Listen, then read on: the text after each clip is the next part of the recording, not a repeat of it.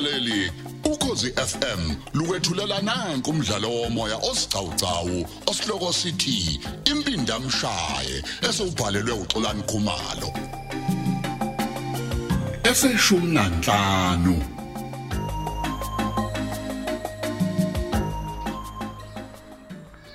Hawu. Sipho. Kodwa ngigezephi ngizobona wena? Hey ngizwile ndoda ukuthi usuyimanager. Ngiyakubongela.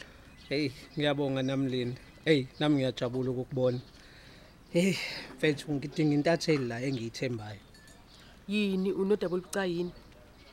Hey, uyabona Linda. Uma usempini nosopolitiki udinga intatheli owazi kahle ukuthi impi ningayibamba nayo. Hayibo. Bengithi awuyingeni nje wena indaba yepolitiki. Hmm, hey bambalwa abantu abangayingeni indaba yepolitiki. Kodwa ke kuya ngokuthi umuntu unesibindi esingakanani sokukhuluma. Ngenhlanhla ke mina asilwi ngepolitiki, kodwa silwa ngenkohlakalo yakhe. Ukhuluma ngobani lana? Ikhuluma ngovezi Linda. Oh, lo dume kakhulu ngobugebengu nokusatshwa yiwona wonke umuntu. Hayi mina ngimsabi neze. Kodwa ke ngidinga intathele njengawe engizothi ngivundulula bonke ubugebengu bakhe yona ibibhala imveza naye futhi emaphepheni. Uyabona ke thina Sipho sibhale ephepheni uma sesinabo ubufakazi obuqandula ikhanda. Ya lende empeleni senginabo ubufakazi obutandula ikhanda. Kodwa ngifuna boshwe singakamtholi umbulali wemeya nomama womngani wami usenzo. Ngazi kahle ukuthi nguyena owayebathengela inkabi. Ukwazi kanjani lokho? Anginabo ubufakazi kodwa ngazi izizathu zokubabulala. Ungangitshela zona manje? Ya, isikhathi esizoba sincane. Kodwa senze kanje. Fike ebhange kusasa ngikukhombisa obunye ubufakazi esenginabo. Angifuni ukuthi ngikutshele inzwabethi, kodwa ngifuna uzibonele wena ngaphambi kokuthi uthathe isinqumo. Hey, lezi imfihle ngizokukhombisa zona Linda. Ngelinye ilanga ziyokwenza ukuthi abaphathi bakho bakuhloniphe. La ukhuluma ngobufakazi obungambophisa. Ngabe useboshiwe kuyimanje ukube ngaya nabo emaphoyiseni. Wayekelani pho? Hayi Linda ngeke. Ngeke ngiye emaphoyiseni manje. Ngingakayitholi inkabi yakhe le yabulala umeya no noma kamngani wami. Ngifuna ukukukhombisa ubufakazi oseberekhodiwe kwamanje. Enza inkohlakalo. Uyabona ke Sipho, mina ngilala endleleni. Asambe manje.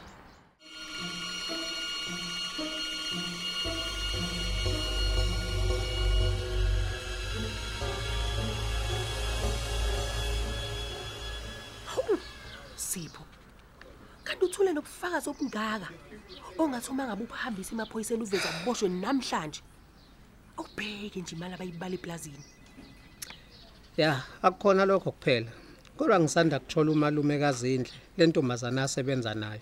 Lo malume wayo kwathathwa ipasi lakhe, nguyena uZindle lo, walinikeza uvezi, owabe seregister inkampani, yavulelwa iaccount ngosizwe lakhe uZindle. Le nkampani uvezi wabe seyigiqabeza ngamathenda kamasipala, akhokha imali ebovu. Manje ke usho ukuthini uma uthi usanda kumthola? Hayi, ngase ngisolile ukuthi kukhona ukushaya amanzi ngayo le nkampani. Ngoba iyona phela ebikhokhelwa kuqala njalo uma umasipala esekhokha. Bese ngidideka ukuthi ibisifake nini invoice ndoba ikhokhelwa kuqala nje. Yazi ngabe sengithatha inamba yeID yomnikazi wayo. Ngaya kwa Home Affairs ngifuna ikheli lomnikazi waleyo ID. Ngathola ukuthi uhlala le emakhaya.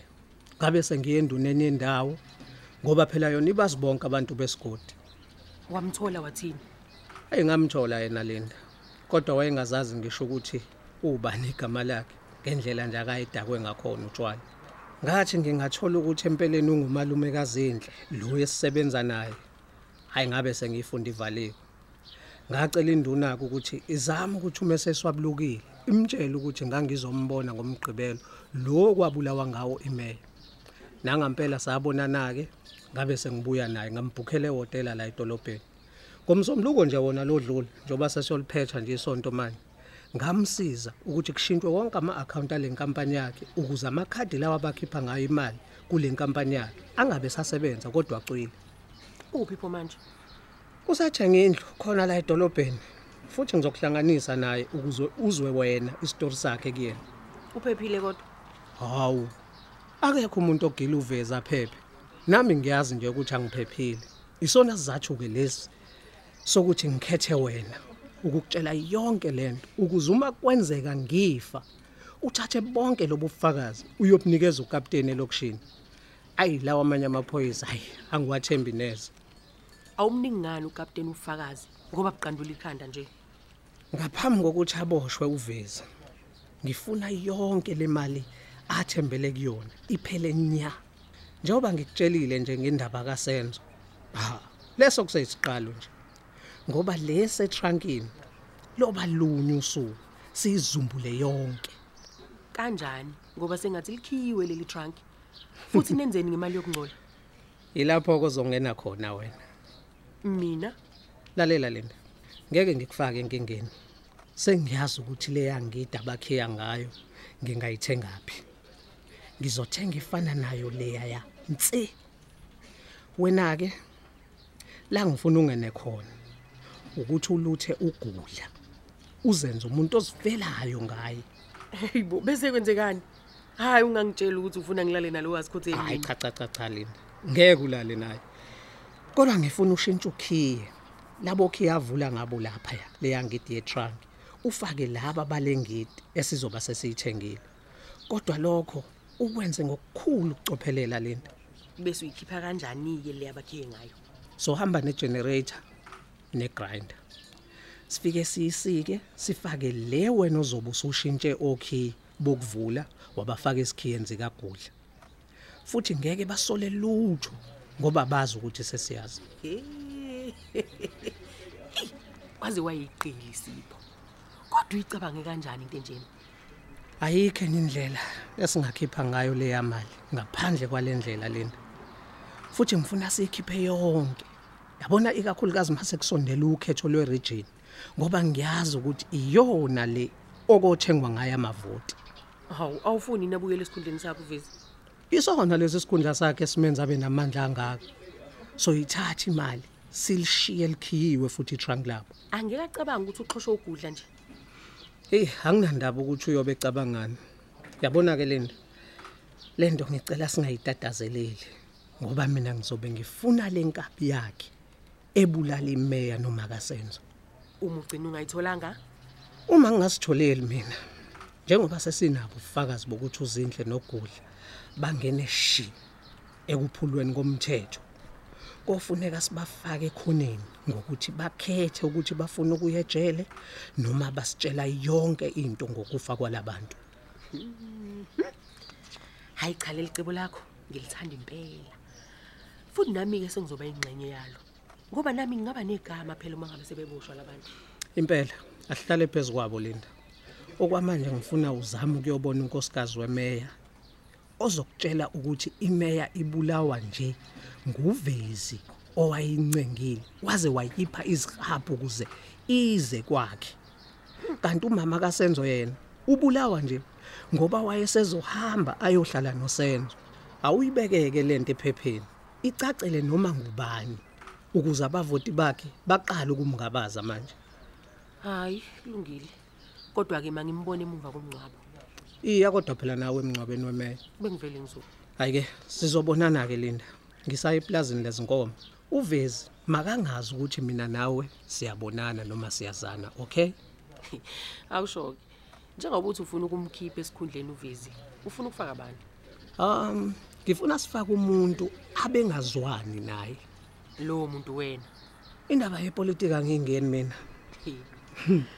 Ngifuna wena njengentatheli uzame ukuthi unkosikazi wemeya ulokhu likhuphula kancane kancane igama lakhe.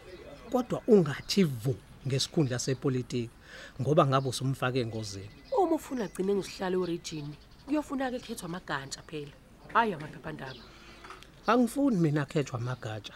Kodwa ngifuna igama lakhe liphakanyiswe nguyena uvezi kuyona iconference. hayi ngeke yenzeke-ke leyo nto Angithi phela Linda njengoba ngazi kahle ukuthi uvezi nabantu bakhe bayobe bengazophikiswa lapha ya. Thina kothi ngumzuzu okugcina bese simpotshozela bonke lobufakazi obungambophisa esesibuqophile. Bese simsabisa ngokuthi akasazoyiqeda neconference ngoba uzobe sehambe namaphoyisa. Nguyena engifuna phakamisa igama lika Asanda. Hayi sengathi kusazoba mnandi la.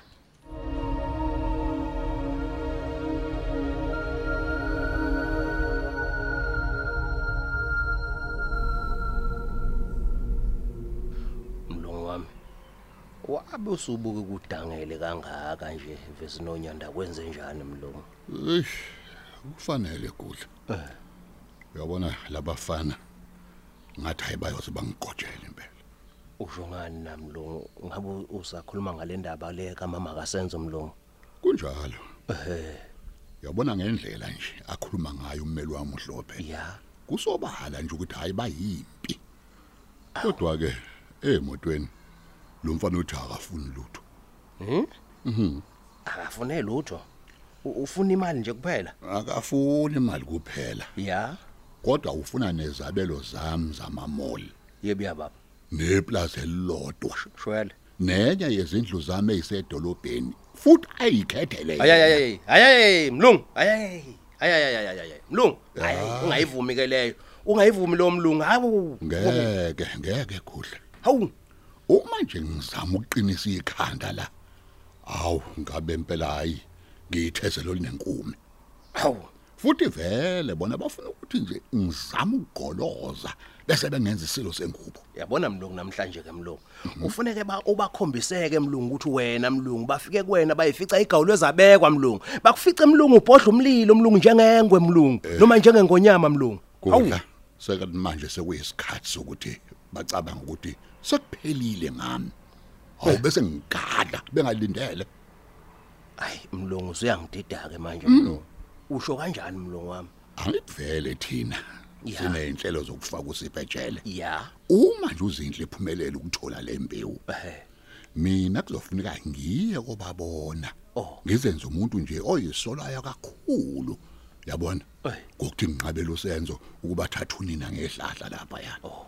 ngixoliseke futhi kulokho.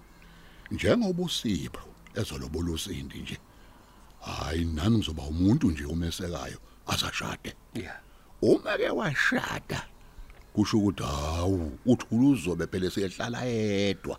Aphinda azame futhi uzinhle ukuthola imbewu.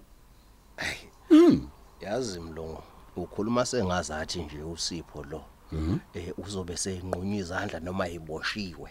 Kungasekho lutho olunyanga lwenza mlungu? Hayi vela akukho lutho angalwenza u- ucabanga ukuthi usephumelele nje yena ucanti kuphelile nje ngami wemlungu yo usukhohliwe yini ukuthi lo mfana wabe nethe kwena ufuna ukukubona mlungu.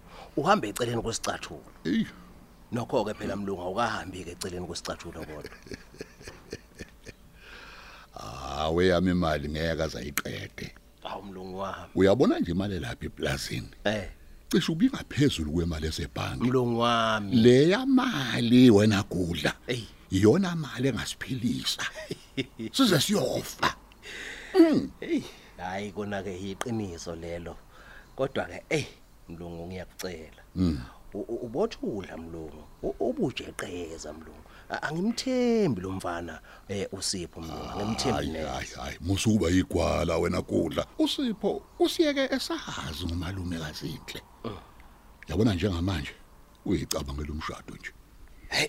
Yazi kodwa mlungu kunento engangihlali kahle mina. Futhi angizwa inhlobo kahle. Lo uthi lo mfana aniyeke senibambile. Ayi mlungu hayi. Angizwa mina inhlobo kahle. Yini yini inkinga yakho kulokho? Yazi mlungu inkinga lapho ukuthi usipho. Akafuni thina kodwa ufuna wena siqo inkinga ke kulento kamalume kazinhle ayikho nje into eyayingakubophisa mlungu. Hey wangibamba nje ukuthi ngangifaka imali la kwi-account yami Ya. yokubhejela ibhola. Bese ngiyidlulisela kwi-account iki Mhm. kodwa akazange enze lutho. Kanti ngangaboshwa izandla nenyawo ngale nto hayi yabona ke mina ngihlolekile ke manje mlungu uyakuyeka. Kodwa ke mlungu uyongikhumbula uyosho ukuthi wayeshilo ugudla Eh uyazi kudla. Ikhona into engenza bacabanga ukuthi hayi sese sese sengixolile nje ngaxolisa futhi ngempela yabona. ukhuluma ngani mlungu yini manje leyo Ukuya khona. Eh, Ngiphethe iqaphu embili eziphilayo. hayi bo. Uyaseka lo. Good. Hey, hayi kodwa mlungu wami. Ayikho ke leyo nto lo. Wemlungu ngathi wena usiyakhohle ukuthi sikhuluma ngosipho la mlungu. Eh bafowethu. Thatha ivan wena. Ulande lezi eqapho. Futhi ukhethe lezi ezikhuluphela. Hayi lento ngitshelayo. Asubambe lapho ke umdlalo wethu womoya osihloko sithi impindamshaye olethelwa ukhozi FM.